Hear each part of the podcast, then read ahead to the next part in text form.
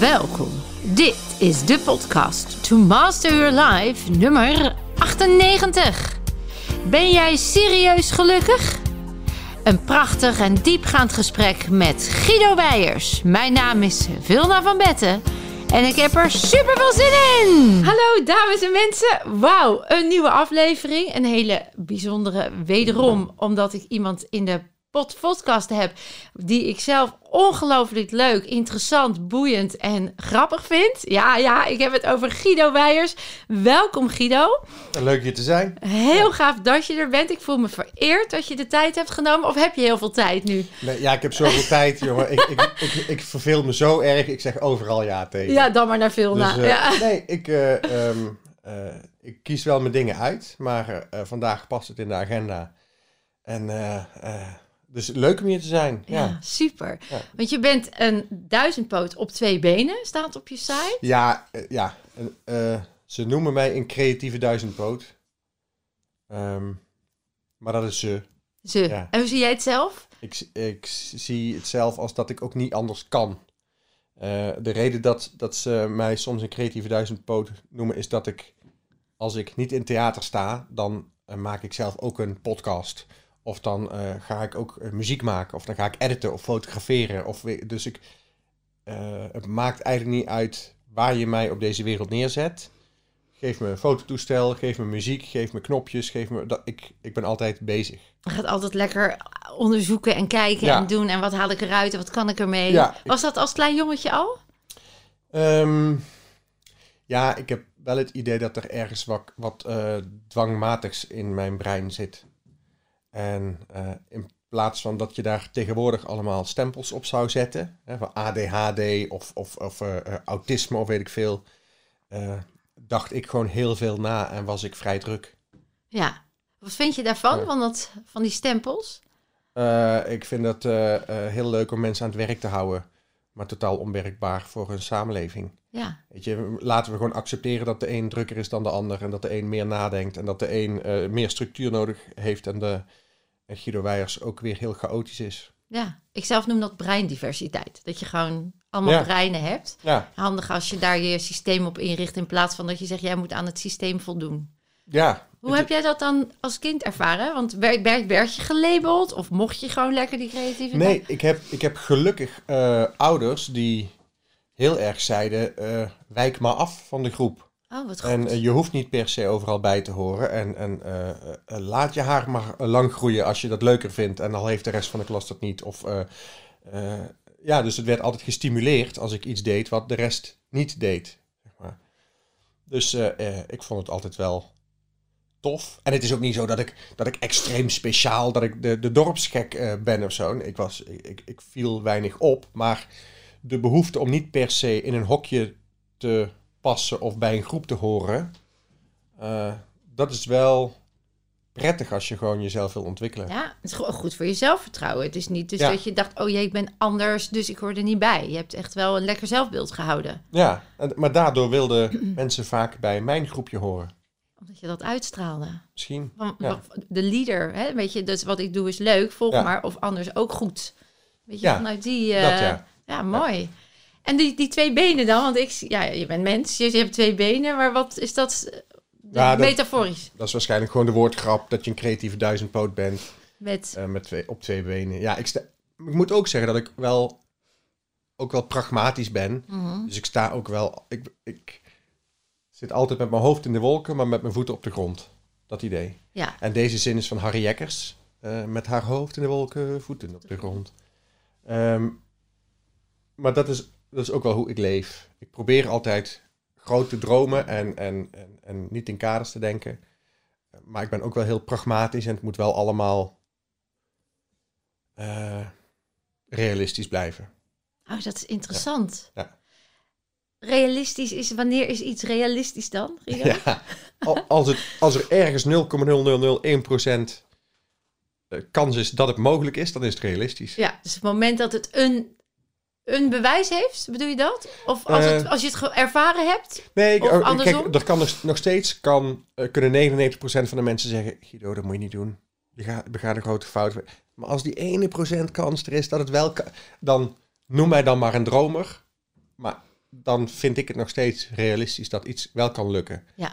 Ehm, ik behoor bij de, eh, en de meeste hier in de Kamer, we behoren tot de 5% rijkste mensen ter wereld. We behoren tot de paar procent eh, slimste mensen. Als je eh, HAVO hebt gedaan of meer, zit je al bij de, zoveel bij de paar procent slimste mensen. Eh, als ik eh, ga sporten en ik, en ik leg me ergens op toe, dan, dan zit ik meestal bij de top 10 eh, eh, procent, of, of bij de 10% beste eh presterende. Dus het is niet zo heel moeilijk als je echt iets wil om bij de uitzondering te gaan horen. Mhm. Alleen heel veel mensen denken, ja, die uitzondering, dat bereik je nooit. Dus ik, Dus die belemmeren zichzelf. Met de gedachte ja, of met de... misschien wel. Ik, ja, ik weet niet of andere mensen dat doen. Ik kan alleen maar voor mezelf Ja, spreken. ja. Dat als ik dus, dat ik gewoon heel vaak, maar misschien is het ook een totale vorm van zelfoverschatting. Dat kan natuurlijk ook, hè? Nou ja, als het En- voor en- je werkt. Ja, en, en dat ik zeg realist. Ik heb dus blijkbaar tot nu toe vaak doelen eh, gepakt die dan ook nog wel haalbaar zijn. Ja, want noem dan eens één doel waarvan je zei... Nou, daar zeiden mensen 99,9 procent...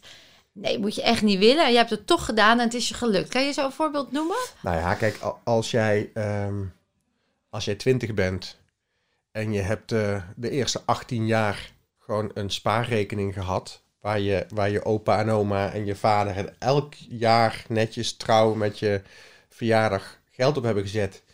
En, jij komt op een dag thuis en zegt, pap, mam, ik ga een theater afhuren en die hele rekening gaat in één keer leeg. ja, dat is wel even slikken voor je ouders. Ja. Hè? Maar dan. ehm, maar ik had als doel, ja, maar dan, dat, ik huur een zaal. Maar als ik hem uitverkoop, Dan gaan mensen, dan speel ja, ik kiet. mensen gaan kaartjes kopen. ja, Dus dan met- heb ik mijn geld ja, weer terug. Ja, Eh, ja, dat, maar daar moet je wel in geloven. ja, dus daar zit ook die lef. En jij noemt het dan misschien is het wel overschatting, maar er zit Ja. een stuk lef in. En dan zou een ander misschien denken, nou, ik moet eerst zeker zijn dat het verkoopt. Of ik moet Ja. het niet allemaal uitgeven in één keer. Daar ga jij gewoon. Ja, en ik heb het geluk, en dat is echt een grote factor, geluk, dat het dan uitverkocht raakte. Of dat ik een keer bij een wedstrijd een prijs won, waardoor dingen ook zo zijn gegaan. Ja, bij de kameretten heb je dat, hè? Je Ja. hebt het, eh, ja. Ja, maar kijk, maar er zijn natuurlijk ook, in mijn plaats, zijn er ook honderd mensen die ook hebben meegedaan met kameretten, met zo'n festival waarmee je kunt doorbreken, die niet die prijs gewonnen hebben, die niet zijn doorgebroken. Dus ik, het is achteraf ook makkelijk praten dat je dan pragmatisch bent geweest, omdat het is gelukt. Ja, dus nu kan Ja. jij zeggen, misschien wel, ik weet niet of je dat doet, maar doordat ik toen die stap heb gezet, als ik dat niet had gedaan, dan had ik nu niet hier gestaan. Had ik niet hier gezeten. En ik heb het geluk gehad dat ik heb gewonnen. Ja, Dus dan is je toegevallen. Ja. Toch? ja ik geloof wel heel erg veel in toeval en geluk. Dus het, dus het feit dat je. ja, er zijn twee factoren. Eh, dus het is een ontzettend groot toeval en geluk dat je meedoet op dat moment aan dat festival en daar een prijs wint en daardoor ineens voor uitverkochte zalen mag staan. Hmm. Eh, alleen denk ik, eh, het is natuurlijk een heel groot geluk dat ik de hoofdprijs gewonnen heb, maar ik had ook best wel veel loten gekocht. Hè, dus, dus mijn investering, De In- kansberekening. ja, die, ik heb er ook wel heel veel tijd en energie in gestopt, dus ik had de kans ook wel gemaximaliseerd. Dus daar heb je invloed. Dat is het enige waar je invloed op hebt. En dan is de kans nog steeds niet heel groot, maar dan heb je er in ieder geval alles aan gedaan. Dus, dus ehm, ja, dat Nou eigenlijk. ja, dus vind ik dan toch leuk, want je zegt dat is het enige waar je invloed eh, op hebt als een realiteit, als een waarheid leg je dat neer. Hè? Dus als ik nu zou, als ik luister naar Mhm. je en stel dat ik dat voor waar aanneem, dan zou dat ook mijn waarheid kunnen zijn. Eh, aan de andere kant, als ik nou zou zeggen tegen jou, nou, ehm, nou dat is niet helemaal eh, toeval, hè? Dus, eh, want je hebt wel degelijk misschien iets gevisualiseerd of al Mhm. iets in energie, energie neergezet. Of je hebt wel degelijk de stappen zusdanig uit. Je hebt zo uitgestraald hè, dat je ging winnen, al vooraf eigenlijk. Van nou, ik ga het doen, want ik ga het terugverdienen. Zou dat dan enige invloed hebben? Of ben ik dan zweverig en is dat geen realiteit? Ehm, nou, dat visualiseren, dat heb ik wel gedaan, maar ik, eh, want iedereen, letterlijk als je ergens van droomt om, om een prijs te winnen, of even, ja, nou ja, het woord zegt het al, je droomt het, je ziet het voor je, je, je, je hoopt erop. Dus je hebt het ergens in je hoofd al een plaatje van een einduitslag. Alleen, ik zelf denk dat je, dat het dan meer met een soort kansen zien en op het juiste moment inspringen te maken heeft. Eh, eigenlijk een, een eh, selective eh, exposure en een selective perception. Als ik, als ik volgende week een nieuwe auto wil kopen en ik heb besloten het wordt een BMW, dan zie ik vanaf morgen overal BMW's rijden. Ja, de selective attention. Ja. Ja, En, selective aandacht, ja. En, en als ik die. ehm, ja, en, en als dat een, een andere auto wordt, dan zie ik die overal rijden. Dus zo is het ook met kansen. Als ik nooit denk aan ik moet een festival winnen of ik moet eens meedoen met een wedstrijd. Ja, dan zie ik in de krant de advertentie van, van die inschrijving niet eens van het festival. Precies, ja. Ehm, Dus de focus bepaalt dan de richting. ja, Als ik je, als ik je goed hoor. ja. Ja. Alleen ik denk nog wel steeds, die andere mensen die mee hebben gedaan, die hebben ook die droom gehad. Dus die hebben het ook gevisualiseerd. En het is onmogelijk om te zeggen, ja, die wilden dan waarschijnlijk niet hard genoeg. Of die hebben het misschien niet genoeg Of geprojecteerd. nog niet genoeg competentie. Ja, Of is dat dan ook niet zo? nee, kijk, ik, ik heb zelf altijd moeite met dat visualiseren. En dat je kunt het als je maar wil en je, en je, eh, je gedachten projecteren. Met The Secret heb ik heel veel moeite. En waarom? Omdat het, als je succes hebt, is het, is het fijn om alles naar je toe te trekken. Om te zeggen dat komt doordat ik het heb gevisualiseerd en Eh, ik, wilde het heel graag. Precies. Mm. Maar als je pech hebt, als je nou in Afrika geboren bent, moet je dan tegen die kinderen in Afrika zeggen: Ja, waarschijnlijk denken jullie de hele dag aan honger. Ja, dan krijg je ook honger. Want jullie visualiseren de hele tijd dat je honger hebt. Ja, ja vind je het gek dat Ja. je nu eh, lekkere trek hebt? ja, maar dat, Ja, en dat is oneerlijk. ja. Weet je, je kunt, zij hebben gewoon niet de middelen. Ze En de hebben gewoon de omstandigheden pech niet. dat ze daar geboren zijn. ja. En dan kun je visualiseren wat je wil. En dan kun je, zij kunnen de hele dag van een lekker taartje dromen. Maar dat gaat er gewoon niet zijn. ja. Dus Nou ja, ja. het valt mij op dat bijvoorbeeld eh, grote CEO's of zo, van bedrijven. Als het bedrijf winst maakt, zeggen ze altijd... Ja, maar we hebben ook bezuinigd. We hebben mensen ontslagen. We hebben keuzes gemaakt met het management... waardoor we nu winst maken. Mhm. En als ze verlies draaien, dan is 9 van de 10 keer het antwoord... Ja, het is recessie. De markt zit niet zo mee.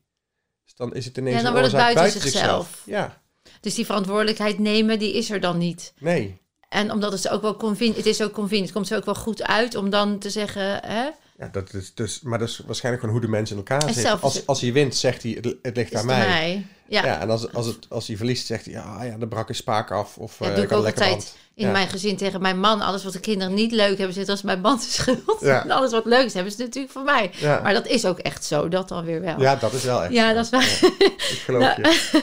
Maar die selective attention, dus echt die, die, die selectieve waarneming, hè, dat, eh, ik zeg ook vaak met de secret, hoe dat neurochemisch werkt, is inderdaad eh, dat, ehm, je reticular activation system in je brein. Dus op het moment dat jij zegt, oké, vandaag eh, wil ik een nieuwe auto kopen en een BMW, Ja. dan gaat dat reticular activation system, dat wordt actief en die zegt, zet overal uit dat je ziet, al je zintuigen aan, dat je ziet Ja. wat je moet zien, wat nodig is om dat dan te Ja. bereiken. En dat noemen we dan selectieve aandacht. Ja.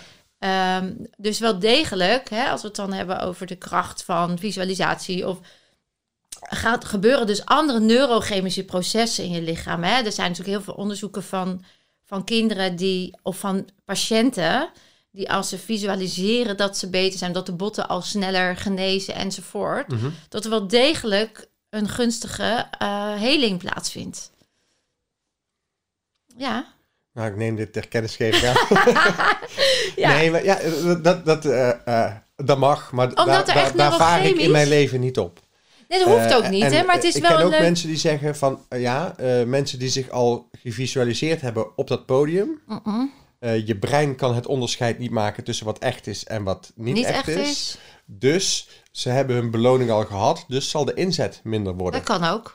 Ja, het is ook de emotional state control. Want op het moment dat jij uh, van tevoren, dat herken je denk ik wel. En dat is ook gedachte, maar ook visualisatie. Want dat gaat één en één, hè, dat gaat samen.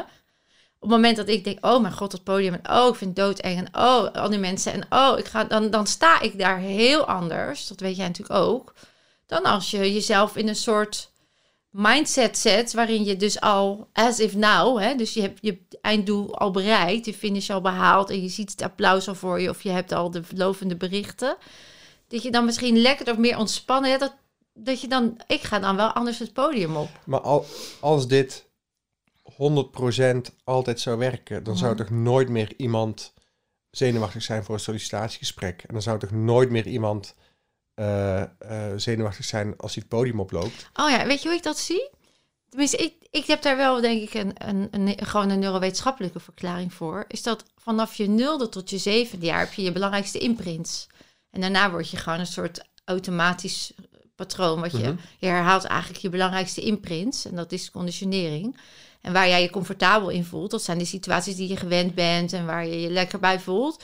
En alles wat nieuw en anders is, roept juist doubt en fear op. Want dat is oncomfortabel, dat is spannend, dat geeft je een gezonde onzekerheid, zodat je scherp bent en alert. Dus bij alles wat nieuw is, zou je kunnen zeggen dat dat niet die gebaande paden neerlegt. eh, die je altijd hebt gedaan, maar dat je dus even weer een soort nieuw patroon moet aanleren. Van, ik heb nog nooit gesolliciteerd, hoe doe ik dat dan? En dan kan het wel helpen dat je in die situatie eh, dus wel even gebruik maakt van de neurochemische processen om het jezelf te vergemakkelijken. Ik zeg niet dat je dan nooit meer, maar jij weet ook dat de eerste keer podium, of tenminste ik weet dat, laat ik het bij mezelf houden, de eerste keer podium was spannender dan de vierde keer of de tiende keer. En ik vind nog steeds een gezonde spanning is er. Maar misschien is dat dan wel mijn automatische gedrag, omdat ik mezelf heb aangeleerd dat ik dat nodig heb om goed te presteren. Dus begrijp je wat ik bedoel te zeggen? Ja, ik begrijp wat je bedoelt. Ik heb ook gehoord naar wat je zei. En je zei tussen je nulde en je zevende. eh, Op mijn eerste opleiding die ik deed, zei ze tussen je nulde en je vierde levensjaar. Echt een Mhm. Freud-theorie. die, die theorie is ook wel alweer een beetje achterhaald. Mhm.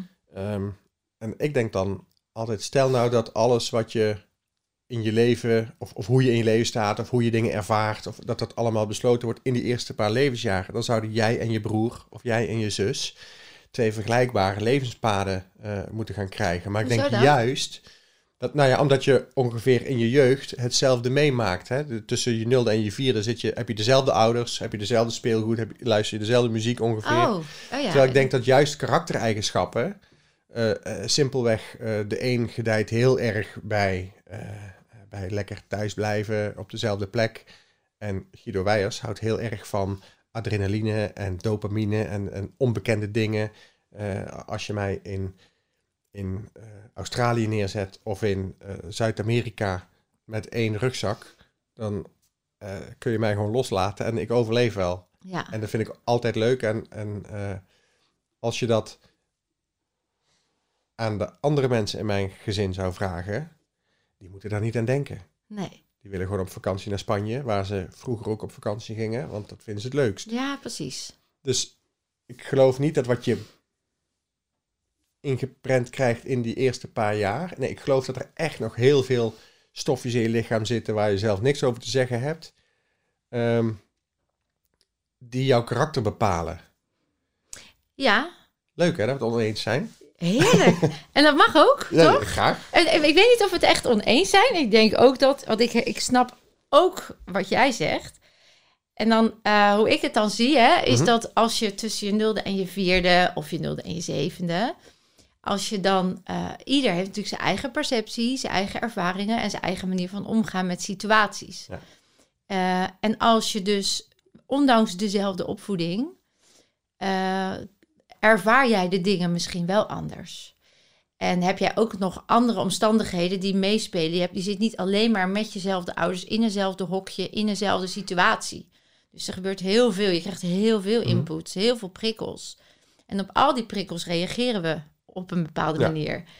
En die reacties, die zetten zich als een soort blauwdruk vast. Dus als jij, als jouw eh, moeder bijvoorbeeld altijd als ze een bijtje zag, "Ah!" in paniek Mhm. raakte. Nou, dan is die kans groot als jij dat heel vaak als voorbeeldgedrag hebt gezien, dat jij ook, "Ah!" Ja. Maar het kan ook zijn dat je dacht, Jezus, doe eens normaal. Ja. Dat ga ik zeker niet doen. Ja. En dat dat dan jouw blauwdruk is. Dat jij dus denkt, ja, dag, die Ja. moeder van mij, die kan wel lekker gek doen. Maar dat vind ik echt overdreven.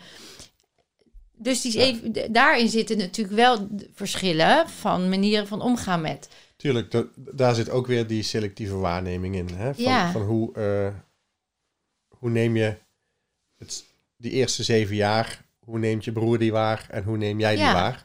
En daar kun je eh, iets anders aan overhouden. Ehm, Nou ja, als we kijken naar Pavlov, gewoon de klassieke Mhm. conditionering met de hond en de bel, met, met de kwel. eh, dan, dan zouden we kunnen zeggen, als we dan vanuit de neurowetenschappen kijken, dat je dus programma's jezelf aanleert. Hè, dus je, ja. die- hoe je broek aantrekt. Of heb je vanmorgen anders je broek aangetrokken? Nee, ik, ik, ben, eh, ik ben helemaal niet van structuren, maar, eh, eh, maar ik heb ze eh, duizenden. Ja, ik ben, me, ik ben me daar Ja. totaal niet van bewust, maar waarschijnlijk poets ik altijd met mijn rechterhand. Ja, en als je En- het andersom en, doet, denk je, hè? Ja, precies. Toch? Ja, ja. dus ik zal ook altijd bepaalde volgordes hebben. En, en ik, weet je, op een gegeven, ik heb zo vaak seks gehad onder de douche dat ik op een gegeven moment ook al opgewonden werd als het begon te regenen. dus die pa Pavlov ken ik wel, zeg maar. Hè? Dus, eh, mijn zusje plaste al in bed als ze op de, gang, op, op de gang de stem van papa hoorde. Maar, eh, Ja, ja, dat, die, die Pavlovs. Nee, nee, maar dit, nee dit, dat is trouwens heel erg als het echt zo zou zijn. Ja, dus nee. ik heb geen zusje, dus Nee. dan weet ik iedereen dat ik niemand beledig. ja. Maar ehm, ik, ik, ik ben er wel van overtuigd dat wij als mens veel meer Pavlov zijn dan dat wij zelf willen geloven. Wij, wij hebben de illusie dat wij een of ander hoger wezen zijn dat, eh, dat eh, heel veel zelf kan beslissen. En ik maar wij beginnen ook gewoon te kwijlen als we een belletje horen. Toch? Dat idee. Ja. Ja. Of, of we gaan als, de- als, de, als de bel. We zijn natuurlijk vanuit het industrialisatiemodel opgevoed op school. Weet je, als de bel ging als je lunch. Ja. Of je mocht niet praten als de juf eh, of de meester Ja. sprak. Dat zit nog steeds in ons DNA, zou je bijna kunnen Ja. zeggen. We zijn gehoorzaam, bevolgzaam. Als de leider zegt, "Oh, dan doen we dat. Ja. Hè? Tegelijk, dus, dus het is wel leuk om, om eh, als je weet dat 97% van de dag je eigenlijk gewoon je onbewuste programma's uitvoert.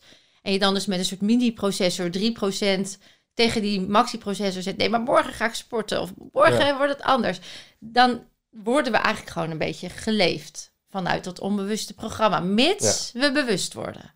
Ja, want je, dan moet je er hardop zeggen tegen jezelf. Dan moet je doelen stellen. Dan moet je andere mensen meetrekken in jouw verhaal. Visualiseren. Vind ik een moeilijke. Nou, maar stel dat die helpt, hè? Zou het dan gewoon uitmaken of je het wel of niet doet? Ik bedoel, het- Nee, weet je, als mensen ergens baat bij hebben, moeten ze het lekker doen. Maar waar ik, waar ik in, in geloof, is dat wij veel meer biologie zijn. Dus die Pavlov, Ja. eh, daar geloof ik echt in. En, Ja. en eh, ik vind het ook altijd zo pijnlijk duidelijk worden als je... Ik heb zelf geen kinderen. Eh, heb je kinderen? ja, drie. Ja? Eh, hoe oud zijn ze? 22, 20 Oh. en 17. Oké. Oud al, hè? Ja, dat had ik niet verwacht. Maar, de, eh, maar je hebt toch van die, van die babyfluisteraars en weet ik veel, als je kinderen niet kunt opvoeden, ja, uiteindelijk zijn die kinderen allemaal gebaat bij een structuur en bij een beloning als ze iets goed doen en bij een, bij een straf als ze iets niet goed maar echt een, een bepaald disciplinair, eh routinematig ding, waarbij je gewoon zegt, als, je, als dit, dan dat. Ja, dat is niks anders dan een belletje laten horen en eten geven aan een hond. Dus, eh, Ja, gewoonte dieren zo. ja, dus wij zijn gewoon biologisch, wij zijn gewoon dieren die ook gewoon eh, reageren op impulsen. Ja, nou ja, die eerste twee lagen van dat brein, die zitten natuurlijk het meest compact. Die hebben die dier, andere diersoorten ook. Kijk, die derde laag, dat meest flexibele deel, die neocortex. Ja, maar die is ook zwaar overschat. Daarom, die, Ja. die is maar heel... Dat bedoel ik eigenlijk te zeggen, dat die onderste laag, die beheerst ons meer. Hè? Dat is veel meer compact en vast. Maar ik, heb laat, ik, ik weet het helemaal niet. Hoe lang bestaat die neocortex? Dat, dat is, Zes- toch- Eh, dat is er later aangegroeid, zeg maar, als bij vanaf dat de dinosaurus uitstierf. Toen is die neocortex erop ge- opgekomen. Ja, hoe Ja. lang is dat geleden? Geen idee. Lang. Er zijn mensen die denken dat dinosaurussen nooit bestaan hebben, omdat de aarde pas eh, een paar duizend jaar geleden... begonnen is. Zijn er mensen die denken dat de aarde plat is? Ja. Ja. Is dat... Nou ja, oké. Dus we zijn, we, we, hebben, we zijn geconditioneerde wezens. Dieren. We zijn gewoon Dieren? dieren. Ja. Dus we reageren ook primair. En ehm, we zijn ook gewoon cellen. En die cellen in beweging, dat wordt aangestuurd door, door energie. Hè? Het binnenste van de cel, van het kleinste Ja, atoom, is energie.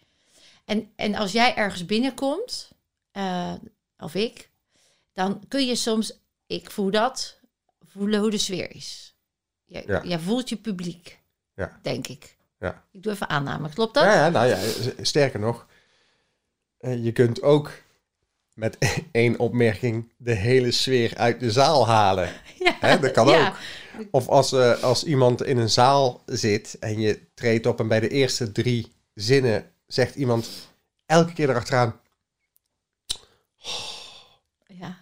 ja, dan kun je zomaar eens een hele zaal naar beneden trekken. Ik had één iemand, Dus, hè? eh, Eén iemand kan dat. Ja, ja, of als iemand op het verkeerde moment, verkeerde moment lacht. Of, of, nou stel nou, je hebt, je hebt eh 600 man in een zaal en één iemand midden in de zaal valt flauw.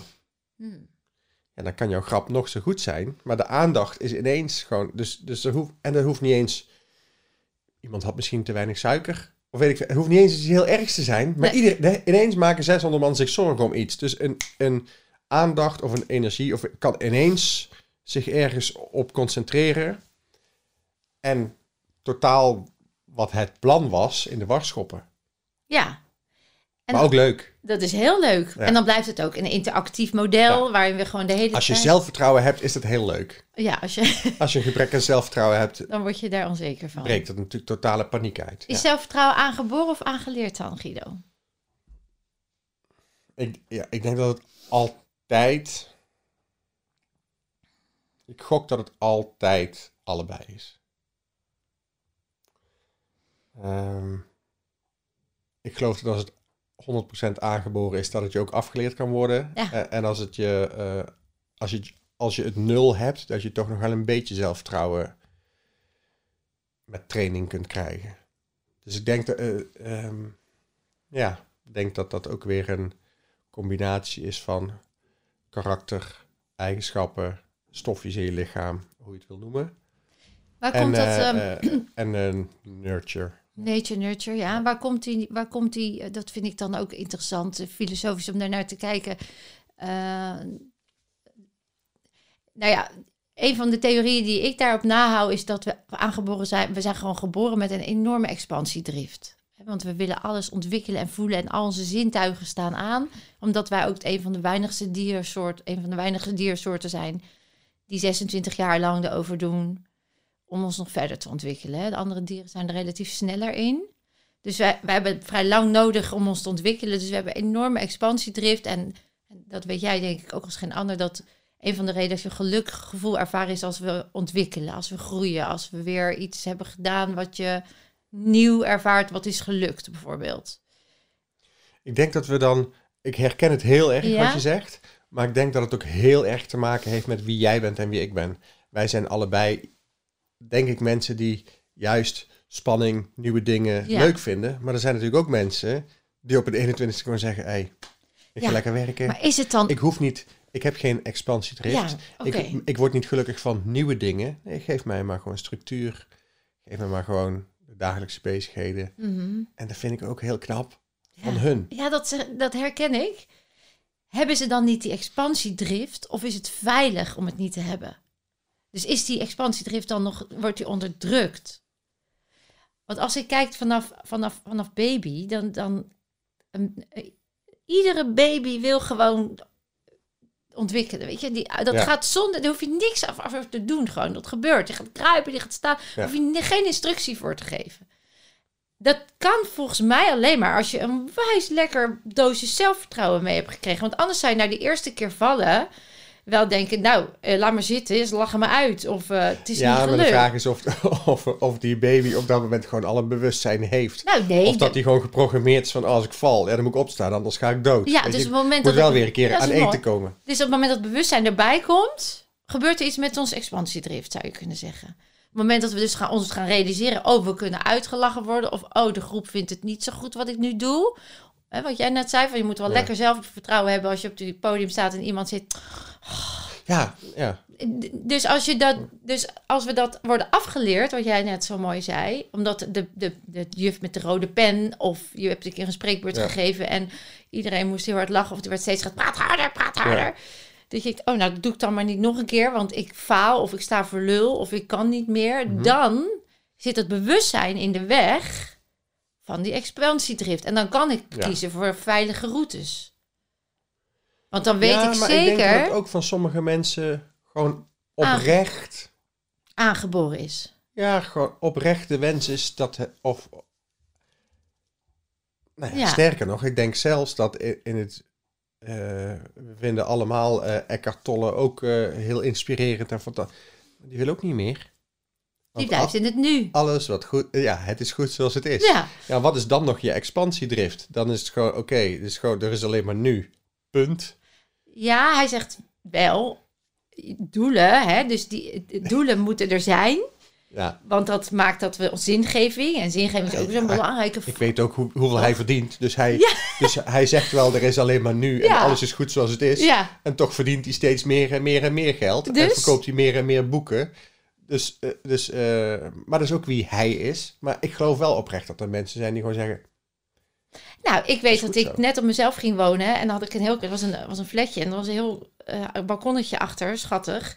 Eh, en daar keek ik uit op, op, op, op de, gewoon een soort straat. Met, en dan liep Ja. iedere dag een man, met een, een te dikke man, met een hondje om dezelfde tijd. Ja, En die liep gewoon, eh, die deed volgens mij dus iedere dag gewoon hetzelfde, dat patroon. En daar kon ik echt naar kijken en dacht ik, oh wauw, ja, dat is ook knap, wat jij ook zegt, hè? En nu, met de kennis die ik nu heb, weet ik ook dus dat we nou ja, gewoon ook geconditioneerd zijn in wat Ja. we doen. Twee, dat als we als jong kind heel erg veel moeten onderdrukken of afgeleerd zijn of hè, dus weggeduwd zijn, dus gefaald hebben voor ons gevoel, niet erkend zijn, dat we ook veel minder makkelijk later eh, dat naar buiten doen of juist rebels worden, omdat we dan die erkenning nog steeds zoeken. ja, ik vind dat moeilijk om ehm, naar dat verleden te wijzen. Nou, het is ook geen schuld van het verleden. Het is gewoon de Pavlov dan, hè? Ja. Dus, het is dus niet... Het gaat nooit over, ja, dat, alsof ik dan dus nu de schuld ben van waar ik nu sta. Nee, het Nee. is bewustzijn dat ik weet... Oh, hé, hey, ik heb dat kennelijk altijd zo gedaan. Tenminste, zo zie ik het, hè? Ja. Ik heb het altijd zo gedaan. En helpt het me nog, dat die langere termijnvisie... Die is natuurlijk voor heel veel breinen... Is dat niet van nature de, de voorkeursgedrag... Dus Nee. we kiezen eerder voor de korte termijn. Ja, we kiezen voor nu een koekje en Ja. niet voor lange termijn afvallen. Toch? Ja. Dus dan dat, dat abstraherend vermogen, die prefrontale cortex, die als laatste erbij is gekomen in ons brein, daar hebben we natuurlijk niet zo in getraind. En als we die wat meer zouden ontwikkelen al op scholen en van hé, hey, wat is het effect van je gedrag en wat levert het op? En is het handig dat je daar nu, dat je dit gedrag kiest als je dadelijk zelfredzaam wil zijn? Zo heb ik altijd mijn kinderen opgevoed. Ik wist, ik had één doel van, nou, ik wil ze zelfredzaam en vol zelfvertrouwen. Dus als ze dingen deden waardoor ze onzeker, of dan zei ik, nou, hè, is dit gedrag handig? Of wat levert dit Ja. gedrag je op? Om ze al die zelfreflectie te laten hebben. Maar dat is wel een bewuste keuze geweest. Hè, dat is niet omdat ik dat mee heb gekregen of zo. Dat is vanuit, denk ik, ook een stukje. Dus dan eh, zou je eigenlijk... eh, Je gaat nou iets heel grappigs zeggen. ja, nee, dus, dus eigenlijk zeg je, ja, maar bij mij was het een bewuste keuze. Ik heb dat niet in het verleden meegekregen. Dus jij hebt, dus jij hebt de wonderlijke eh, visuele cirkel doorbroken. Je zegt, heel veel dingen komen door je verleden en dat neem je dan de hele, je hele leven mee. Ja, door Behalve ik, want ik heb het niet meegekregen en ik zeg iets anders tegen mijn kinderen. Oh ja, zo interpreteer je hem. Ja, Ja, ik probeer, ik probeer ergens te Ja, ja, kijken wacht. van... van eh, nee, ik zeg. je, nou, ik vind het gewoon sowieso grappig als mensen zeggen: ik doe dat bewust anders. Ja. Want de vraag is hoeveel je bewust doet. Bewust worden van je onbewuste. Je kunt, je kunt een beetje je best doen. Je kunt je gedrag een beetje sturen. Eh, maar ja, Mits we bewust worden van ons onbewuste. We kunnen ons onbewuste in. ja, Nou, laat ik het anders zeggen. Toen, eh, ik zeg niet dat ik dat niet heb meegekregen. Ik denk dat mijn moeder best wel, mijn vader ook wel, altijd wel die zelfreflectie. En dus dat was natuurlijk al een deel in mij. Maar door wat ik allemaal had geleerd en de kennis die ik had, wist ik ook wel van, hé, hey, ik zag dat ik dingen deed zoals mijn moeder die ook deed. Of Ja. mijn vader, waarvan ik zelf me afvroeg, is dat de manier waarop ik dat wil? Of doe ik dat gewoon omdat mijn moeder dat deed? Zo bedoel ik het meer. Dus ik was me bewust van een aantal dingen. Net zoals ik bewust kan zijn dat ik misschien als ik ga dan wel sporten, maar als ik niet zou sporten, hé, ik sport niet. Of Ja. dat is gewoon een bewustzijn. En dan kun je zelf de vraag stellen: dan kun je zeggen, ga ik door op de automatische piloot en doe ik zoals ik het altijd heb gedaan en levert dat me genoeg op? Dat is eigenlijk wat ik bedoel. Of kan ik dan mezelf de vraag stellen, hey, wat kan ik anders doen? En dat is Ja. niet altijd makkelijk en ook niet gisteren voorbij. Maar hoe, wat kan ik anders doen, waardoor ik ook andere resultaten krijg? Of zit het gewoon genetisch in je dat je meer honger hebt? Ik, ik noem het vaak Ja? honger. Hè? Je Mhm. noemt het expansiedrift. Ik noem Ja, dat honger is ook een eh, mooi woord. honger, omdat ik... eh, ik merk, jij zei tot je 26e ontwikkel je. Heb je ik denk dat ik, als ik niet voor mijn 26e eh, een prijs had gewonnen, had niemand in Nederland geweten wie Guido Weijers is Mhm. als ik morgen eh, voor het eerst op een podium zou staan, joh, ik heb nu helemaal niet meer de behoefte om te groeien of om in carré te staan. Maar toen ik 23 was en een prijs won, dacht ik, eh, nu eh, binnen vijf jaar moet heel Nederland weten wie Guido... Dus Ja, en als je dat- jong bent, heb je veel meer honger, veel meer... en ben je veel nieuwsgieriger. Ehm, dus misschien is dat ook gewoon waardoor jij meer bent gaan lezen over dingen waarmee je niet bent opgevoed. Ja, dat zeker. Dus je, en dat je heb, hebt zelf van is dat bij jou nu minder? Heb je een soort wet van niveau bereikt? Dat je minder nieuwsgierig of minder eager of minder... Nou, ik ben mezelf wel minder serieus gaan nemen. Ja, dat helpt. Maar dat wil niet... Dat, maar dan, dan nog kan je nog net zo nieuwsgierig zijn, toch? Of heeft dat één op Ja. één een relatie voor jou? Nee, maar dan, eh, dan doet het er gewoon minder toe, hè? Ja, dus eigenlijk zouden we kunnen zeggen... dat de, eerste jaren heel veel nog belangrijk zijn voor de erkenning. En een stukje bewijsdrang. Zeker. Ja. Dat is denk ik wel iets anders dan expansiedrift. Jawel, maar Dan is het een drijfveer. Ja, maar het is niet zo dat, dat eh, als het een, dan het ander niet. Nee, precies. Het is gewoon... Het eh, loopt een beetje... Ja, je wil gewoon groeien, groter, mooier, beter. En, en eh, eh, je wil alles tegelijk. En Ja. dat heeft ook te maken met ego en nieuwsgierigheid Zeker. en honger en, en Ja. met alles tegelijk. Ja, dus jouw ego is- die is wat minder luid.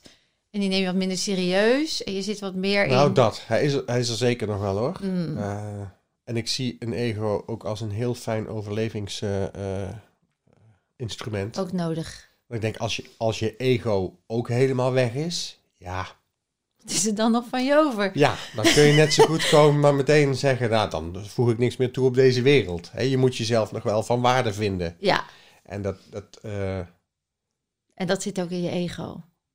ja, ik denk wel dat... het- jezelf een beetje... Ver...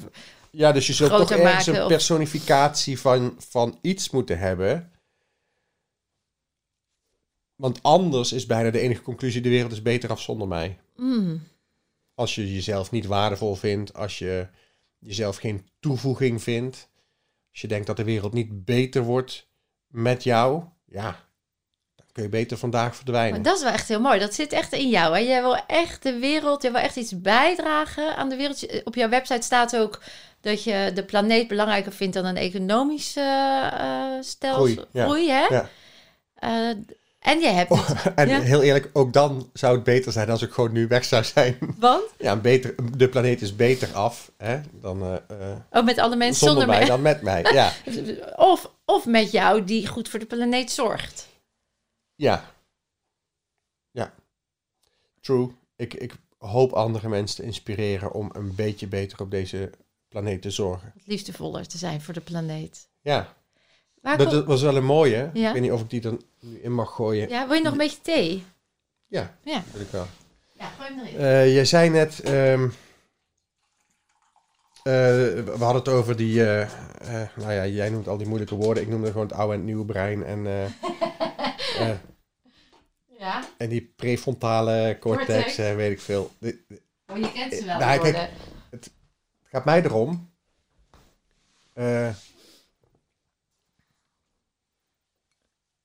Eigenlijk is het gewoon kort en lange termijn. Hè? Het is eh, eh, thinking fast and slow. Mhm. Van, ehm, van- Ja, ik weet wie je bedoelt. Hij heeft er een boek over geschreven. Ja. Ja. Ik kom er dadelijk op. Ja. Kaneman. Ja. Ging sneller dan, dan we dachten, hè? Hij zat er, hè? Toch, ja. Goed voor jou. Ehm, als je aan mensen vraagt, stel je hebt nog, als ik het aan jou vraag, stel je hebt nog, de dokter zegt vandaag, je hebt nog twee weken te leven. Ja. Wat ga je dan nu doen? Ja. Dat vraag je nu aan mij? Ja. ja.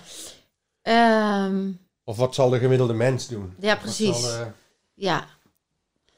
Nou, weet je Guido, dat, dat weet jij niet. Maar toen ik negen was, toen ben ik door een eh, ruit heen gevallen. En toen heb ik een slagadelijke bloeding gehad. Er is een stuk glas hier in mijn keel geschoten. En dat heeft eh, van 8 bij 11 centimeter, dat heeft mijn slagader geraakt. En mijn tong verlamd. En eh, en als negenjarig meisje... ehm, ik merk ook dat het me nog even raakt, grappig Ja. genoeg. Is er dan ineens het leven heel erg vergankelijk? kantje boord. Ja. Ja. En de paniek eromheen. En, de- hè, en uiteindelijk ehm, ben ik denk ik daardoor als jong meisje gevormd. Dat ik dus heel bewust en alles uit het leven wilde halen wat er te halen. Het werd bijna Mhm. ook een kramp, weet je wel. Ik dacht, oh, er mag geen dag voor, verloren gaan, want pff, hè, ik, het kan zomaar Ja. voorbij zijn. Eh, wat het mij heeft geleerd uiteindelijk is, is eh, loslaten, aanvaarden, niet te serieus nemen. Eh, weet je, gewoon, er gebeuren altijd dingen. En nou Ja. ja, en als ik dood ga, ga ik dood. Hè? Dus daar zat, daar zat een enorme lading, vind ik, een enorme lading in de westerse Ja. maatschappij op liggen. Dat we niet dood mogen gaan. Dat zien we nu Ja. ook met corona en zo. Ja. Dat, die kramp en dat gedoe, ik begrijp er allemaal helemaal niks van. Ja, wij, wij, wij eh, denken dat we sterker zijn dan de natuur. Toch? Ja, en dan komt natuurlijk je eigen belang misschien wel voor het belang van de, van de groep. Hè? Dus als je het mij zou vragen, dan zou ik echt oprecht terug kunnen kijken en zeggen: Ja, weet je, ik heb gewoon echt wel gedaan wat ik kon binnen het vermogen wat ik had. Mhm. En ik heb aanvaarding daarin. En natuurlijk heb ik nog een lijstje van: Nou, ik zou nog wel naar Zuid-Afrika willen, want het is niet doorgegaan door corona. Of... Maar Ja. dat zijn geen dingen waar ik, snap je, Nee. waarde aan hecht. Dus heel, heel praktisch. Ik snap je verhaal Ja. natuurlijk van... eh, maar ik heb dat ooit meegemaakt. Maar je ging niet echt dood na twee weken. Nee. Dus dus het heeft wel Ja. invloed gehad op jouw leven van... Oké, het is sterfelijk. Of ik ben sterfelijk. Het kan door een toeval of door een raar eh, eh, Gebeurtenis. ongeluk, Mhm. gebeurtenis... kan het zomaar afgelopen zijn. Dus we halen alles eruit wat erin zit. Vind ik mooi. Ja. Eh, maar Maar stel dat het. als het echt onvermijdelijk was... er wordt Mm. een punt gezet in je agenda... over twee weken is het zover... Ja, dat is natuurlijk dan heel moeilijk voor te stellen. Want ik heb inmiddels drie keer een bijna doodervaring gehad. Dus dat is wel bijzonder hoe dat dan steeds... Ja, kennelijk ik nog mag leven of dat ik Ja. nog... Of, hè, noem het maar toeval. Ehm, maar het is wel zo dat... Ik denk dat de gemiddelde mens daar niet mee bezig is. Met dat wat jij nu zegt. Dat het dus de, de acceptatie van de vergankelijkheid en het besef... Nee, maar Want wat, je vraagt, wat zou een gemiddelde Ja, mens... ik, ik bedoel eigenlijk Ja. gewoon heel praktisch. Wat zou je doen in de laatste twee weken? Ja, ik denk dat je gewoon doet wat je altijd het liefste hebt willen doen en nooit hebt gedaan.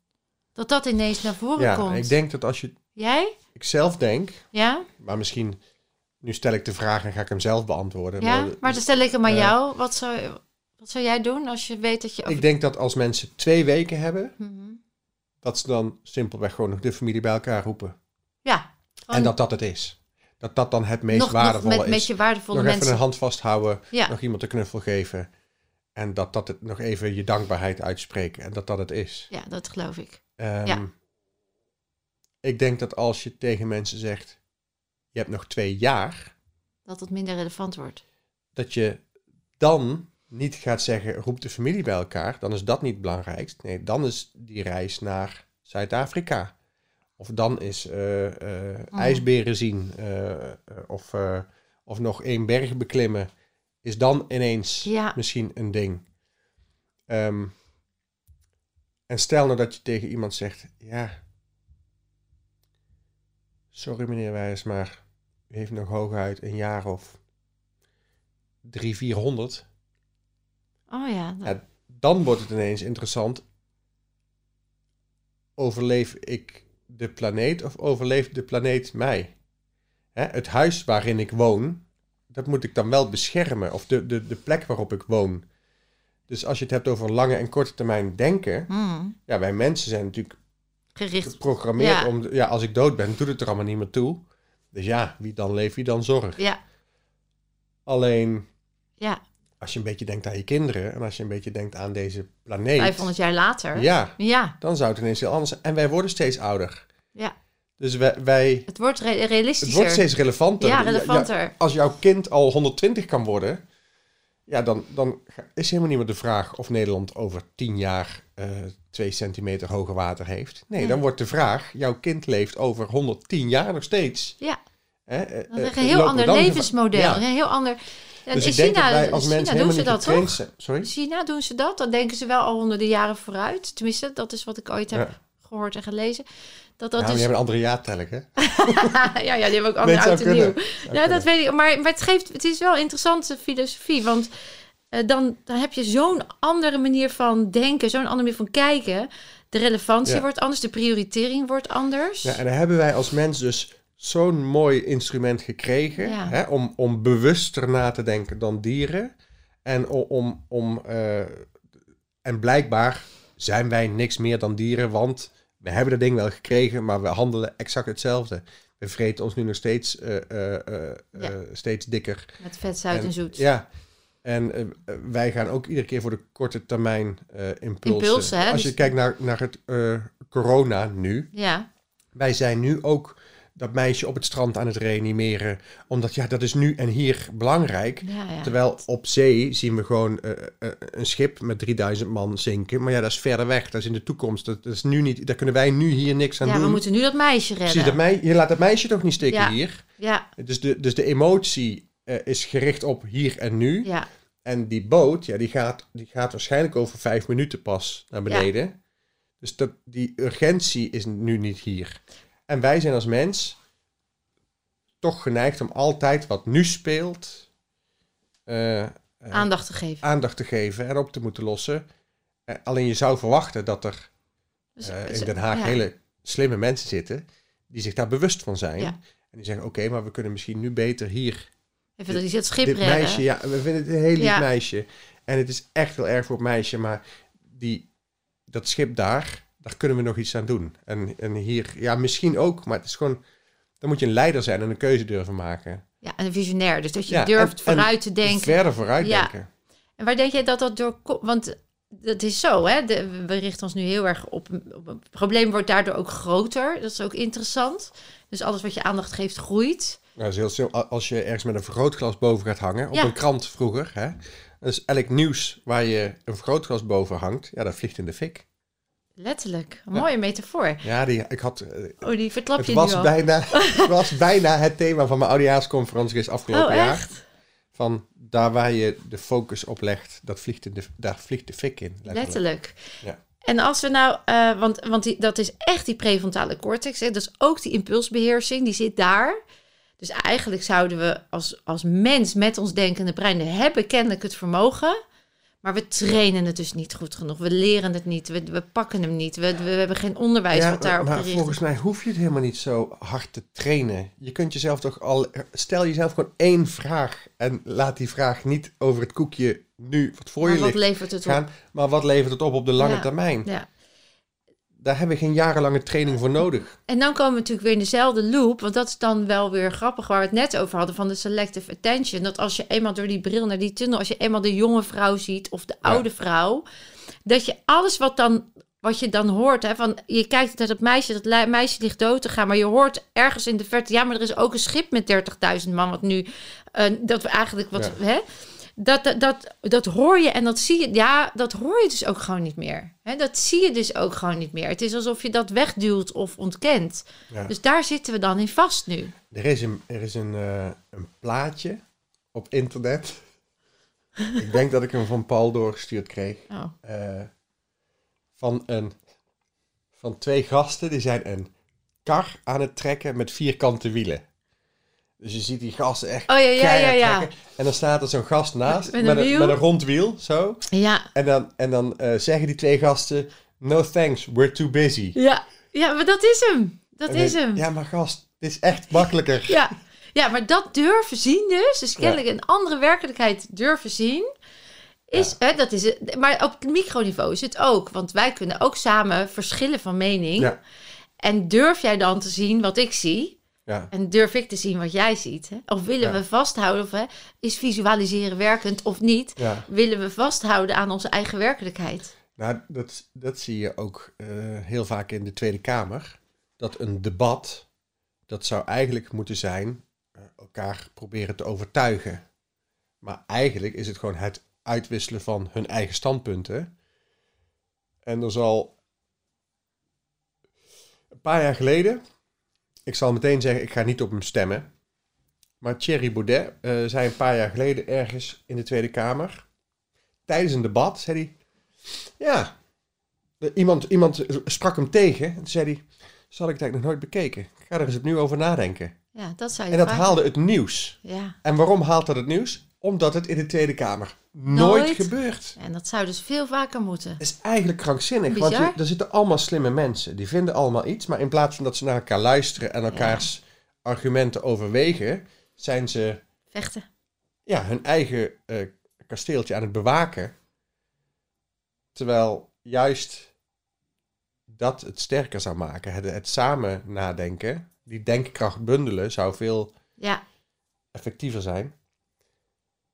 Maar ja, ik, ik zie wel een tendens. Ik zie wel, ook al zie ik ook dit heel Mhm. sterk. En zeker nu in de angst. Dan schieten we helemaal dat primaire gedrag en vasthouden wat we hebben en de zekerheid. eh, dus dat, dat, dat absoluut. Ik zie ook, als ik kijk naar bijvoorbeeld de medische wetenschap. Mijn man heeft twee jaar geleden een heel heftig motorongeluk gehad. Mhm. En eh, nou, de medici die benaderden het op een manier. En, en ik zei, nou, die energetische benadering, Mhm. die helpt ook. En dat zagen ze gebeuren. Waar, hij, waar zij hem niet uit coma kregen, kreeg ik hem uit coma. Middels onbewuste hypnotisch taalgebruik, energetische aanpak. Eh, dus toen, en toen waren er wel artsen, en ik, zie dat, ik hoor dat vaker terug nu, die echt zeiden: hey, wat doe jij daar dan? Wat gebeurt er dan? Hoe werkt dat dan? En ik denk wel dat we op een tipping point, dat als de pijn zo groot is als dat het nu is, dat we ook bijna gedwongen worden om nu anders, Om buiten je kaders te denken. toch?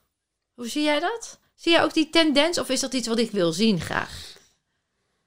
Neem ik dat waar, omdat het ook wel mij weer heel erg. Ja, dat is ook in Ja, jouw omgeving en waar je mee omringt. Omga- en, ja. eh,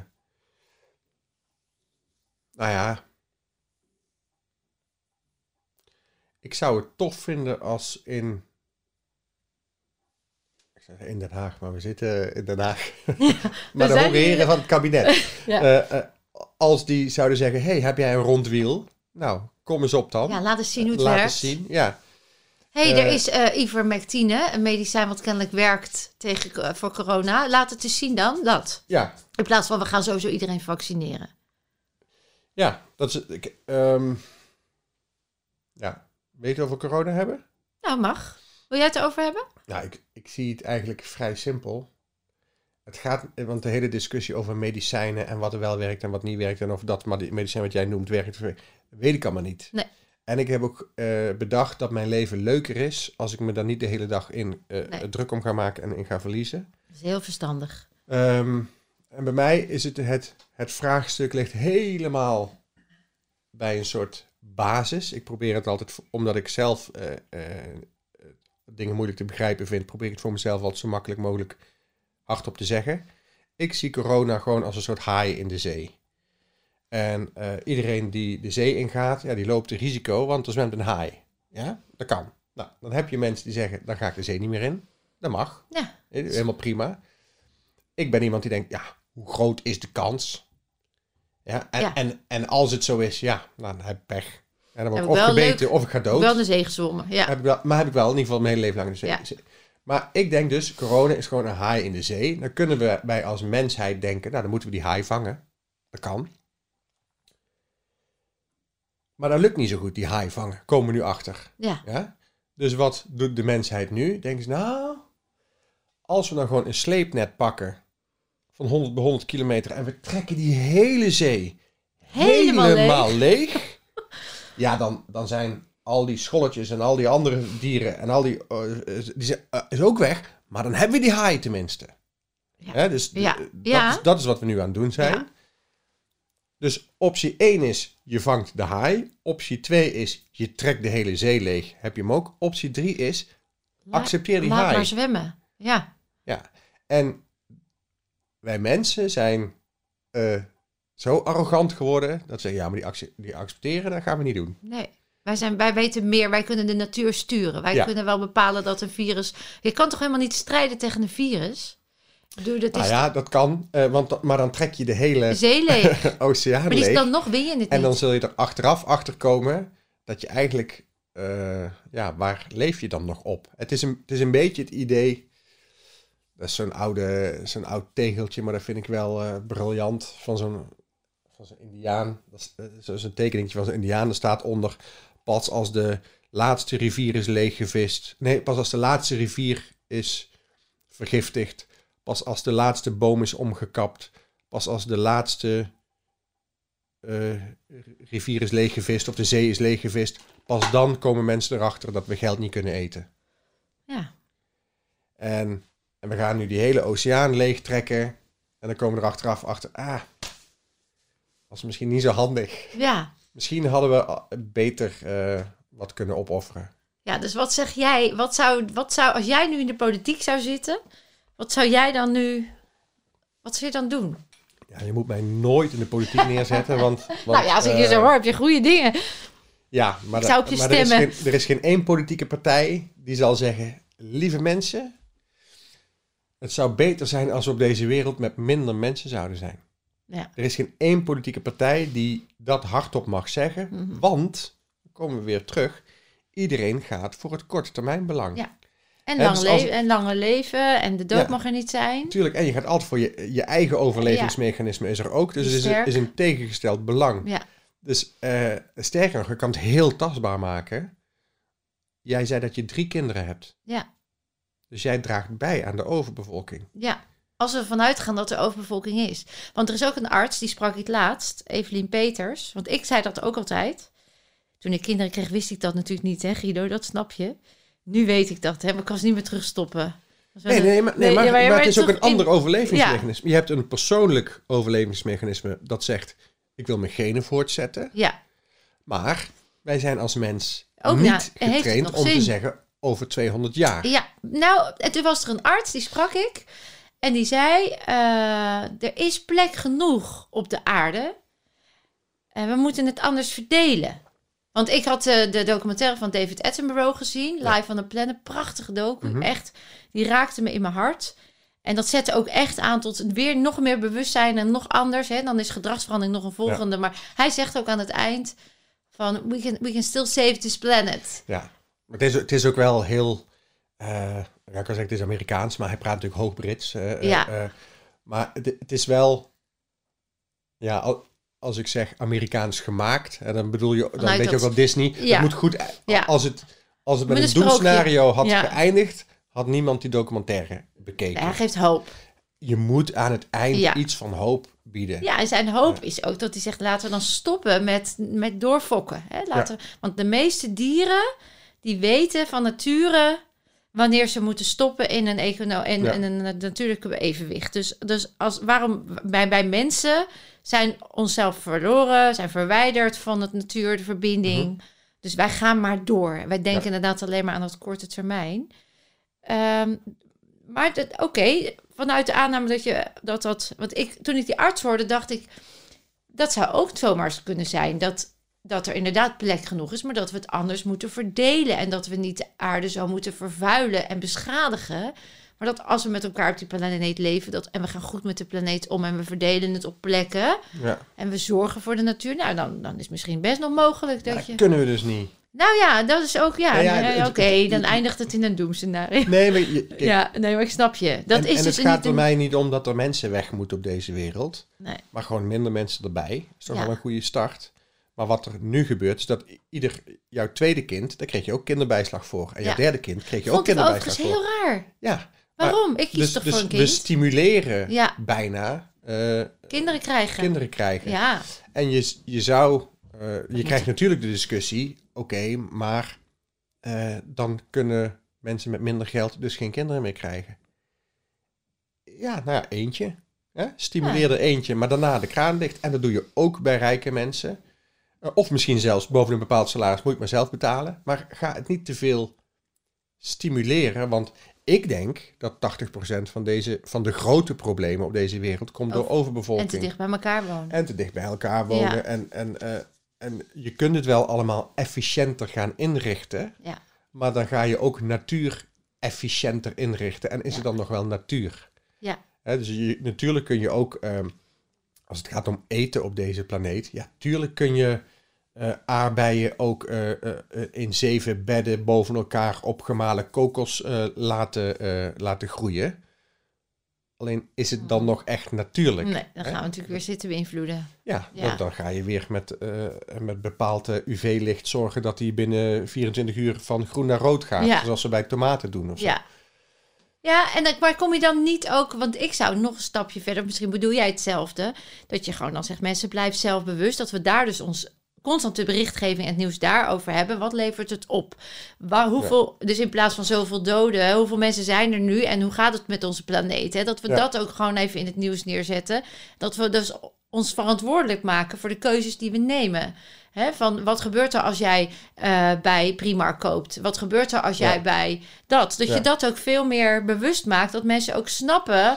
oh, wat ik nu hier doe in mijn comfortzone... waar ik nooit over na heb gedacht... Ja. dat dat echt wel een effect heeft. Nou ja, of zorgen dat de slechte optie er gewoon minder is. Sowieso, dat die... Eh, ja, Want mensen bewust maken vind ik wel ja, ehm, moeilijk. Want ik ben zelf ook heel lui. ja, Dus als ik nou gewoon een auto koop met een stekker eraan, Ja. dan kan ik niet meer tanken. ja, Hè, maar, maar als die auto, eh, als die diesel gewoon nog bestaat, ja, dan, dan koop ik hem ook gewoon. Snap je? Dus het is, het is ook wel wat je al- als... als eh, keuzevrijheid beperken. ja, al- als, als de, Mhm. de plofkip eh, gewoon naast de gewone kip ligt Ja, en hij is 2 Drie euro, euro, goedkoper, ja.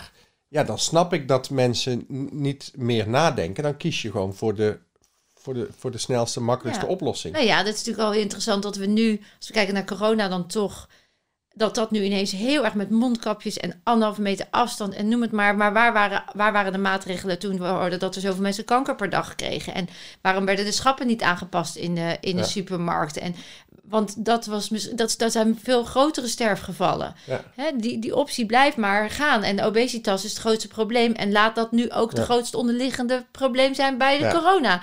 Daar wordt never ever over gesproken. Dat vind ik dan ook wel echt bijzonder. Dat nee, zou dus misschien, misschien moeten we dit kabinet en, en, en eh, alle, alle overheden ter wereld wel heel erg dankbaar zijn nu dat ze het zo slecht aanpakken. Ja. Want daardoor zullen er op lange termijn meer levensjaren verloren gaan.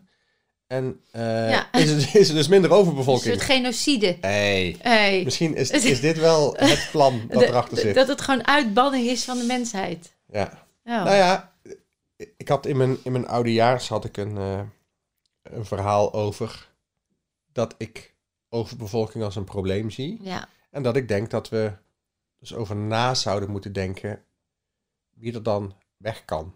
Ja. En eh, de conclusie was, ja, je kunt niet zeggen mensen die geen nut hebben moeten weg. Of je kunt niet zeggen mensen die dom zijn moeten weg. Nee. Uiteindelijk, het was, het was een, een, een brain... eh, een een brainstorm samen met de zaal. Even van wie zouden er weg moeten. Ja. Er werden wat, wat opties gegeven. En de conclusie was uiteindelijk: het is immoreel om mensen aan te wijzen. Als, als ik als mens Ga ga bepalen. aanwijzen, ga bepalen welke groep er weg moet, Ja. dat is immoreel. En mijn conclusie was: het allermooiste zou zijn als wij mensen dus niet voor die keus komen te staan, maar dat moeder natuur gewoon zelf met iets komt, waardoor de wereldbevolking Uitdunt. op een natuurlijke manier uitdunt. Ik geloof ook dat dat het natuurlijk evenwicht daarvoor bedoeld is, Ja. toch? Ook bij de mens. Eh, alleen nu gaat het om onszelf. Ja, en dan, dan eh, Maar is dat niet al jaren zo? De Spaanse griep, de pest. eh, dat zijn toch ook allemaal manieren om ook... Ja. te- ja.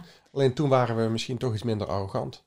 Nou ja, daarom zeg ik, we zijn nu zo bezig om de natuur de, de Ja. duw, duw te geven waar de natuur is niet te duwen. Die overleeft hoor. Als wij allemaal als dood zijn, Ja. dat zie je nu bij, eh, bij die, die Chernobyl-ramp. Dat zie je Ja. toch ook zo mooi bij Ja, David dat Attenborough. groeit weer helemaal, Groeit weer allemaal terug. Ik Ja. bedoel, die, die hebben zoiets van, jullie doen maar. Ja. Ik win wel. Nog even toch twee dingetjes, Guido. Als jij dat ook goed vindt. Geluk. Hè, jij hebt natuurlijk, jij bent... eh, Verdorie, zouden we nou een uur over geluk gaan praten, is het woord nog niet gevallen, zeg. nou, dan moeten we het er even minimaal even over hebben.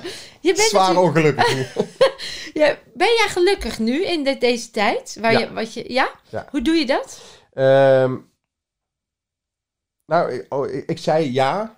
Ik, ik wilde een ja, eh, maar eh, ervan maken. Mm. Eh, ja, ik ben heel ge- eh, gelukkig. Dat komt omdat ehm, eh, de omstandigheden veel minder grote invloed hebben op geluk dan dat wij zelf vaak denken. Alleen ik, ehm, wil- ik wil er graag aan toevoegen dat ik veel vaker momenten van frustratie heb dan wanneer alles gewoon gaat zoals het gaat. En wanneer ik gewoon elke avond kan spelen en mijn ding kan doen en mensen blij kan maken, dan Ja. voel ik me veel nuttiger dan wanneer ik thuis zit en weer een artikel zit te lezen waarvan ik denk, oh jongens, Ja. kijk er nou eens naar of, of, Ja. of luister nou eens. Of de- dan zit er veel meer frustratie in mijn lichaam. Mm. Dus ja, ik ben gelukkig. Maar eh, het thuis zitten en het niet kunnen bijdragen aan iets leuks. eh, of of aan, aan- voor mij zit geluk vaak in, in het samen zijn met andere mensen. Of andere mensen blij kunnen maken. Dat is, Delen, ja, delen. verbinden hoor ik, ja. En in mijn werk kan ik dat heel erg. Ik spreek voor groepen, ik maak mensen blij. En soms laat ik ze lachen en soms geef ik ze eh, een theatercollege over geluk. En dan Ja. blijft het nog iets meer plakken. Ehm, maar dat, is, dat geeft zin aan mijn leven. Ja, En dat zin aan mijn leven, dat hoeft niet per se altijd voor een zaal van duizend man te zijn. Maar dat kan ook zijn je vrienden verrassen. Of leuke dingen doen met de kinderen van vrienden. Of, of een goed eh, gesprek. of een keer koken voor je vrienden. Of, Ja, en al die dingen mogen niet. nee.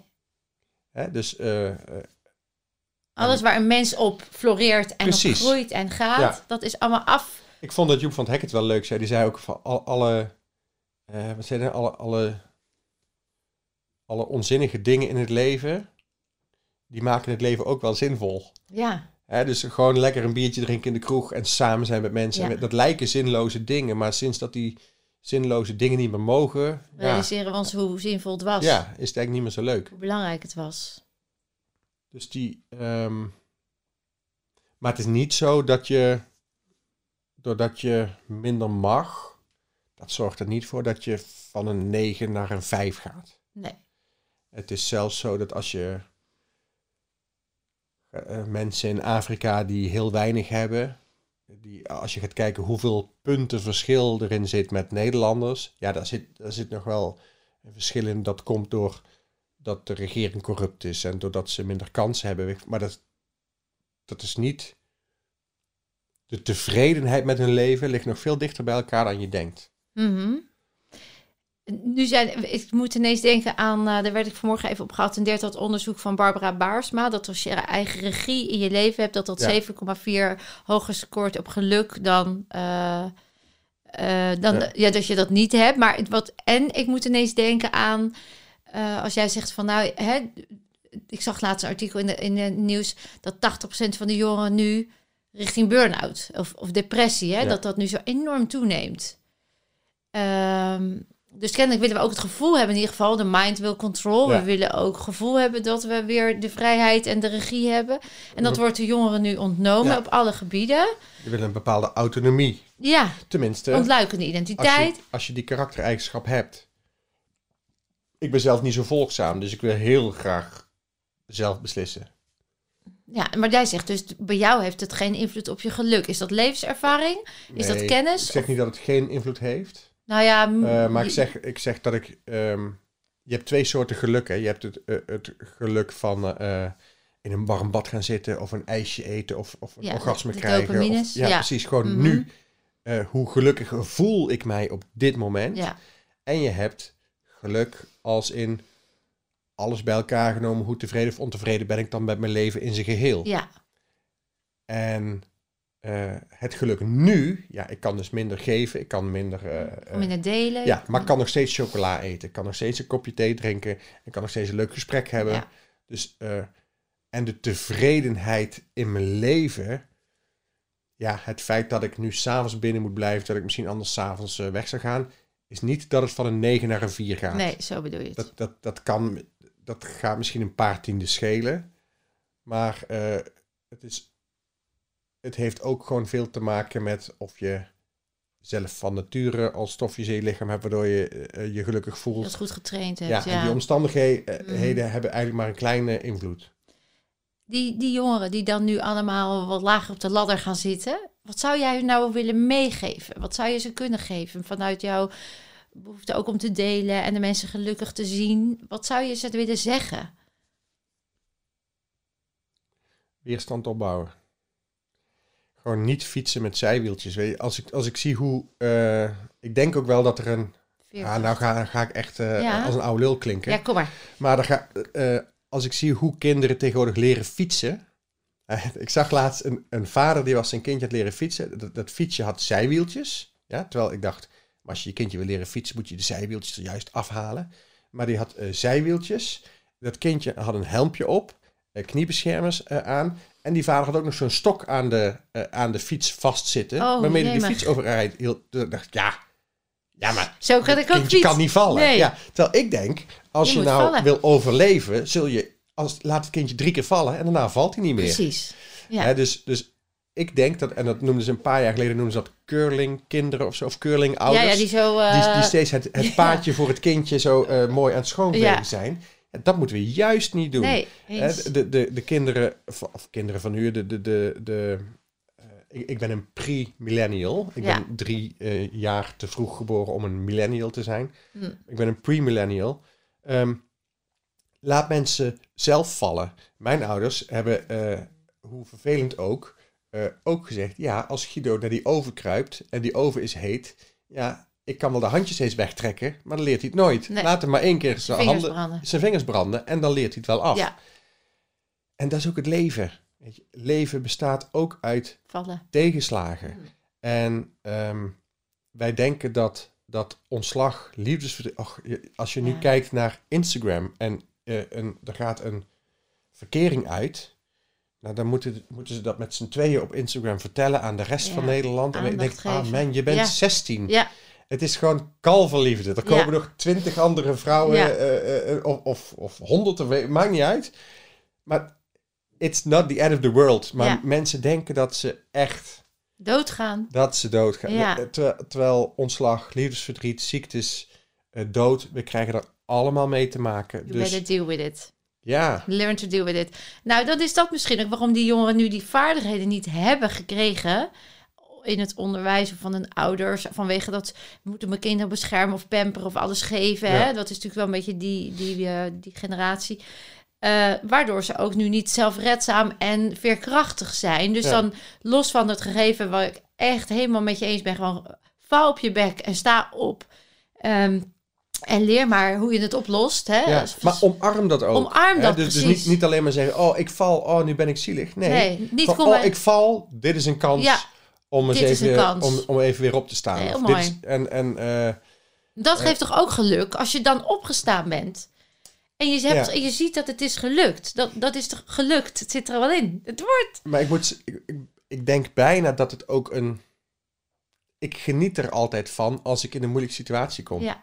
Omarm Omdat- de frustratie. Zeg. nou ja, Ja. Maar, maar zelfs als ik... ehm, stel, eh, het, eh, het, eh, de straat hier zou overstromen of weet ik veel. Dan denk ik, oké jongens, ik ben eh 85 kilo.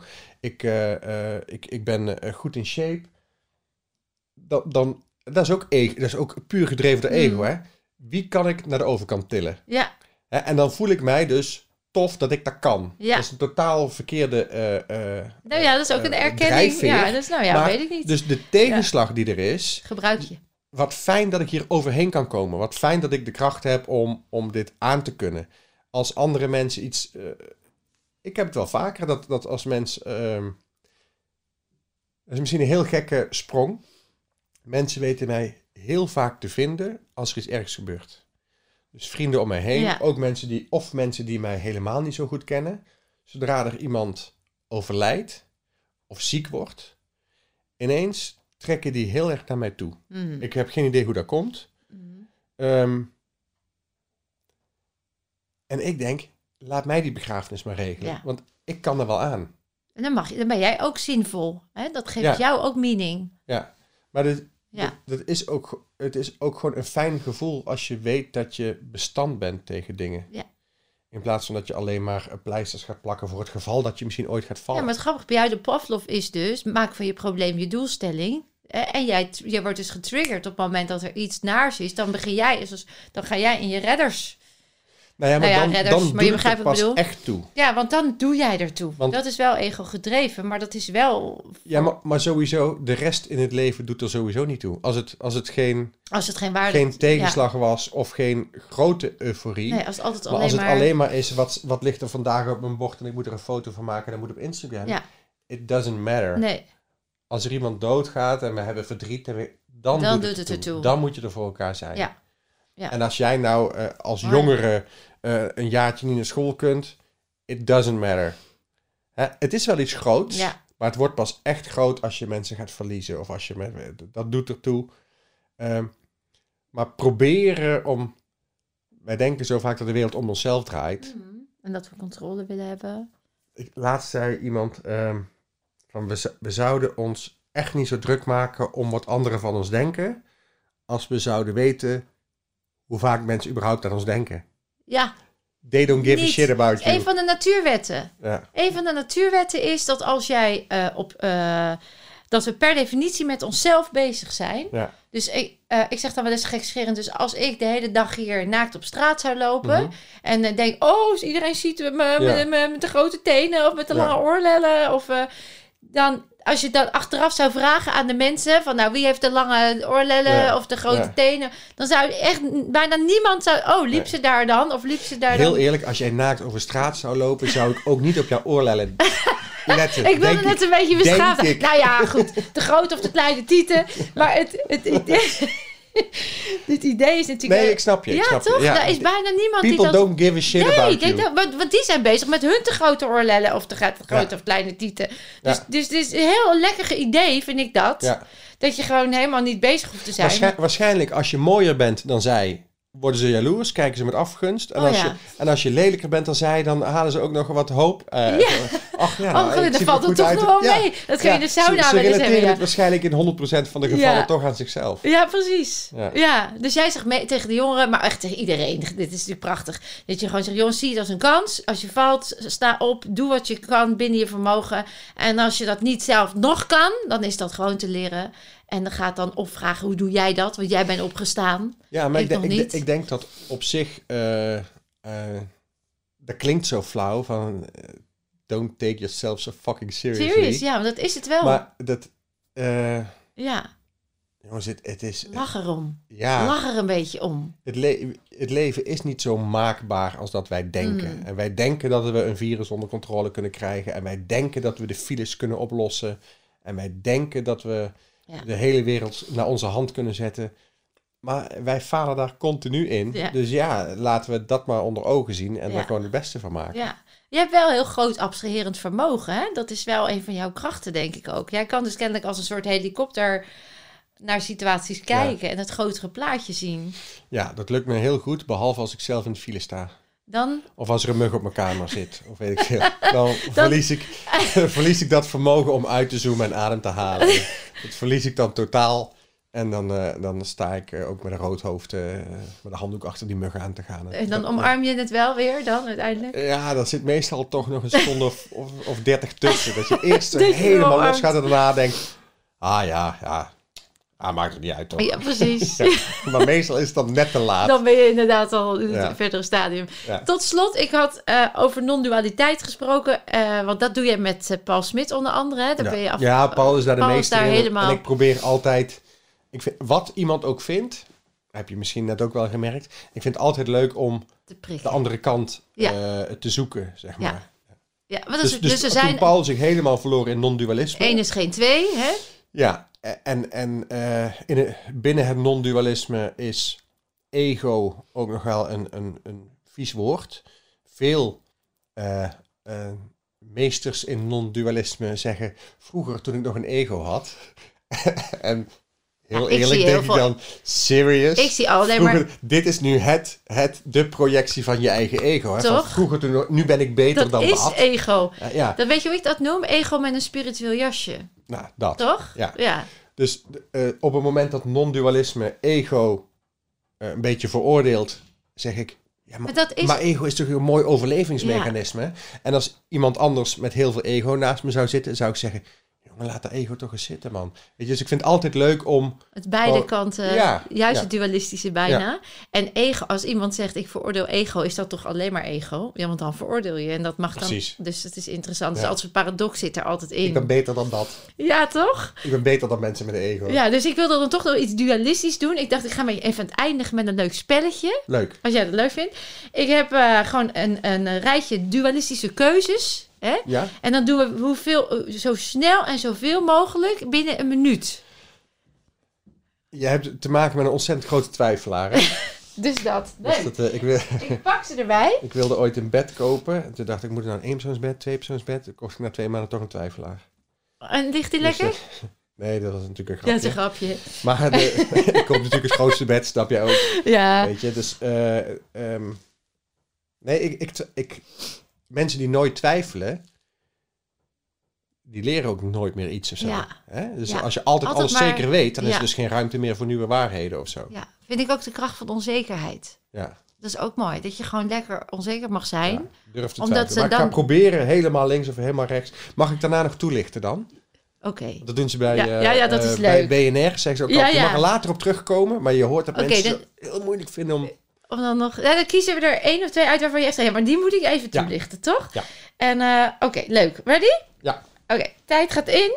Gaat ie. Gelijkheid of vrijheid? Vrijheid. Regulier of alternatief? Regulier. Kracht of energie?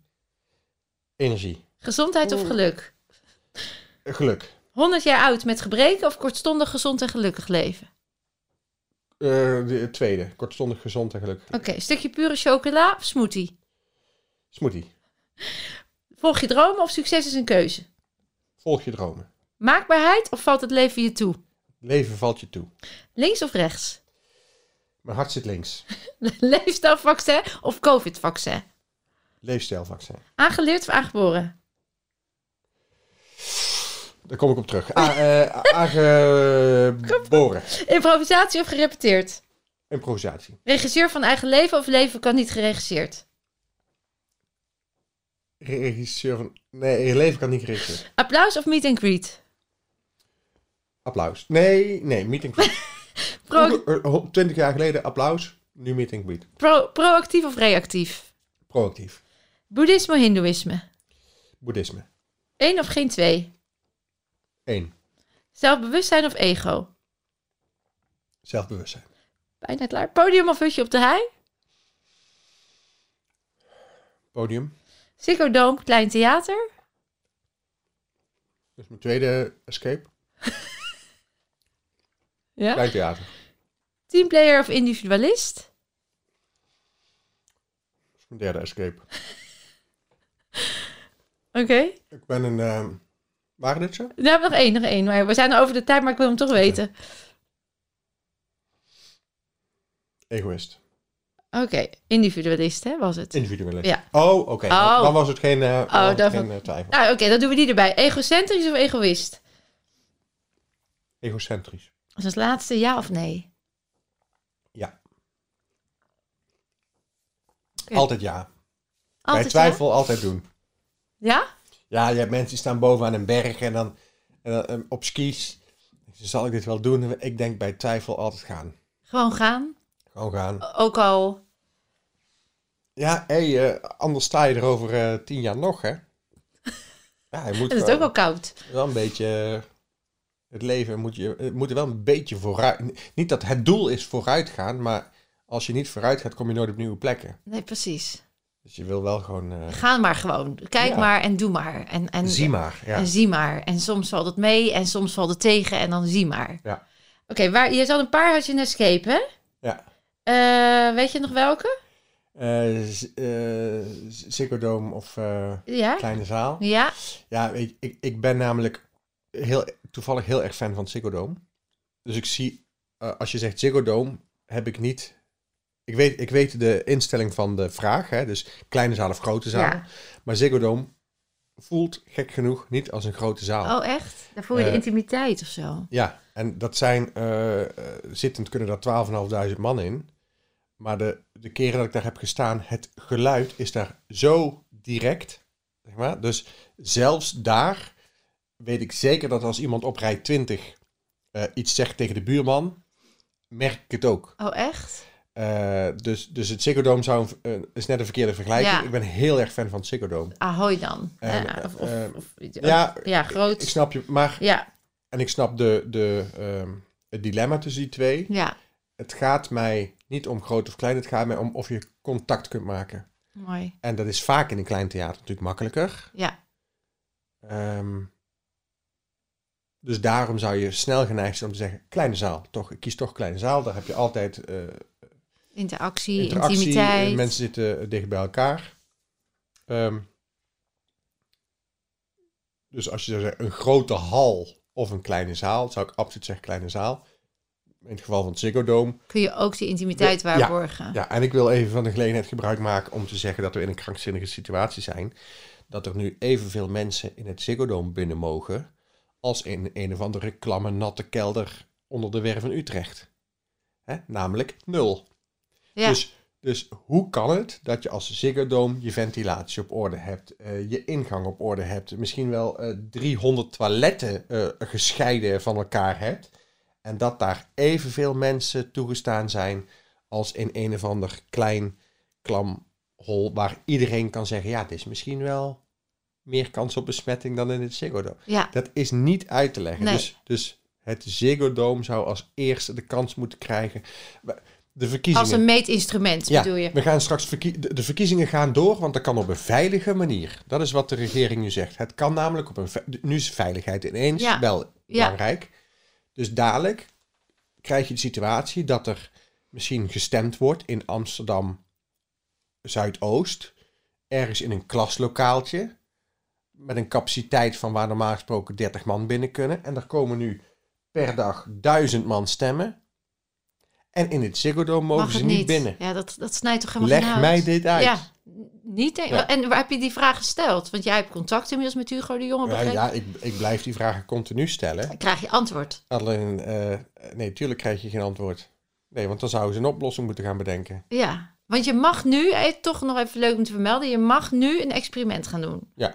ja ik- Maar dat moet Ja. dan weer onder allerlei voorwaarden. nou, eh, we Of- hebben wel veel voorwaarden eruit kunnen slopen. Oké, Dus ik, anders zou ik niet meedoen aan het experiment. Ik ben zelf heel kritisch op de maatregelen, eh, op de coronamaatregelen. En theaters moeten nu allemaal op anderhalve meter ingericht worden. En weet ik, zo hebben we het afgelopen jaar gedraaid. Dat is net aan te bespelen. Maar iedereen weet, eigenlijk is het kansloos. Want het is, er kan geen één theater draaien op anderhalve meter. Nee. Dat is gewoon, eh, dan ben je langzaam zelfmoord aan het plegen als theater. Ja. Wij hebben nu een test waarbij we de eerste zijn eh, bijna ter wereld. Waarbij we zeggen, we willen ook een groep testen waarbij we de anderhalve meter helemaal loslaten. ja, Gewoon weer tegen elkaar. Naast en dus elkaar. echt even kijken hoe dat gaat. En we hebben een groep die eh, niet op anderhalve meter zit, maar waarbij ehm, eh, we 50% zaalbezetting kunnen halen in plaats van 25% zaalbezetting. dus één stoel ertussen of zo. Of, of... Ja, twee stoelen Twee tussen, stoelen maar geen rijen meer eh, overslaan. Een, een soort dambord. eh, Oké, ja, ja, twee, krijgen. twee, twee, Ja, zo. ja. Ja. Ehm, ik wil namelijk dat ik wil best meewerken aan een test. Ik vind het ook prima als we zeggen: oké, we moeten even iedereen testen voor dit idee. Maar alleen maar als we hier verder mee komen. Als we dan straks meer mogen dan dat we nu mogen. Ja. Want als in één keer de nieuwe waarheid zou zijn. Ja, eh, de, wa- eh, eh, de test wijst uit dat als iedereen ingeënt is, dat het dan veilig is. Ja, Ja. dan, dan heb ik ineens meegeholpen aan een experiment waardoor iedereen ingeënt moet worden. Ja. Dat gaat niet gebeuren. Nee, Nee, we moeten ja, ja. nu onderzoeken hoe we, eh, ehm, hoe we straks weer normale zaalbezetting in een theater voor elkaar krijgen. Ja. En- Daar wil ik aan meewerken. Da- en dat gaat volgende week Dat gaat 20 februari plaatsvinden. plaatsvinden. Dus dat gaat eindelijk gebeuren. Ja. En dan hopen we dat dat ook wat dingen uitsluit waar nu van beweert dat het wel waar is. Ja, ja, Bijvoorbeeld, ik, ik weet, maar dat, dat jij zegt, we houden altijd in het midden, dat als je geen klachten hebt of asymptomatisch, dan Ja. ben je niet besmettelijk. ja. Punt. Dat zouden we dan dus kunnen uitsluiten. Nou, Of dat niet? nee, wat, wat we die dag gaan testen is gedrag. Hoe, eh, eh, hoe bewegen groepen zich. Wij denken namelijk, Oh, als ik nu, Ja, het, ja. Als ik nu het, eh, het Ziggo Dome inloop, ja.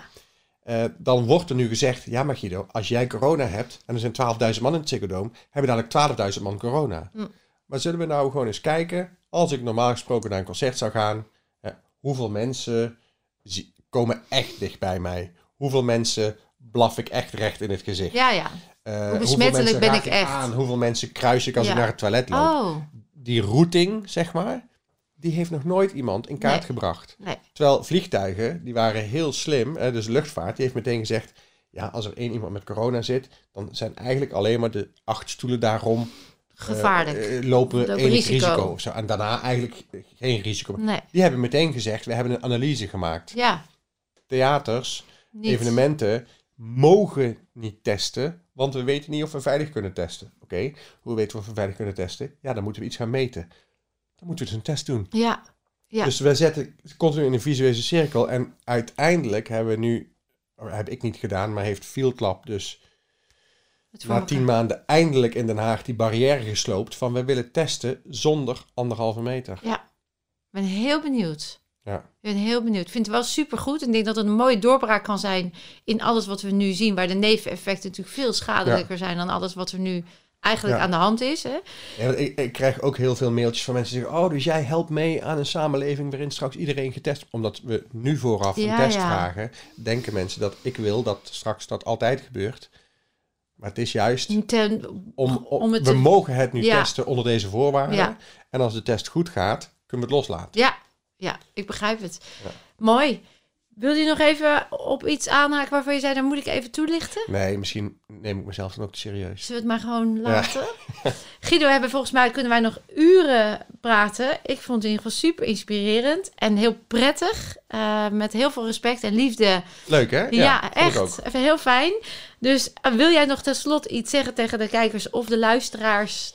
Gewoon omdat het kan. Ah, zou ik altijd zeggen. Nou, wat ik, wat ik wel merk.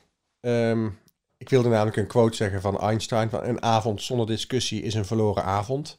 Vind ik altijd mooi. Is ik ook, vind het ja. juist leuk om te praten over dingen die je, waar je het over oneens bent of zo.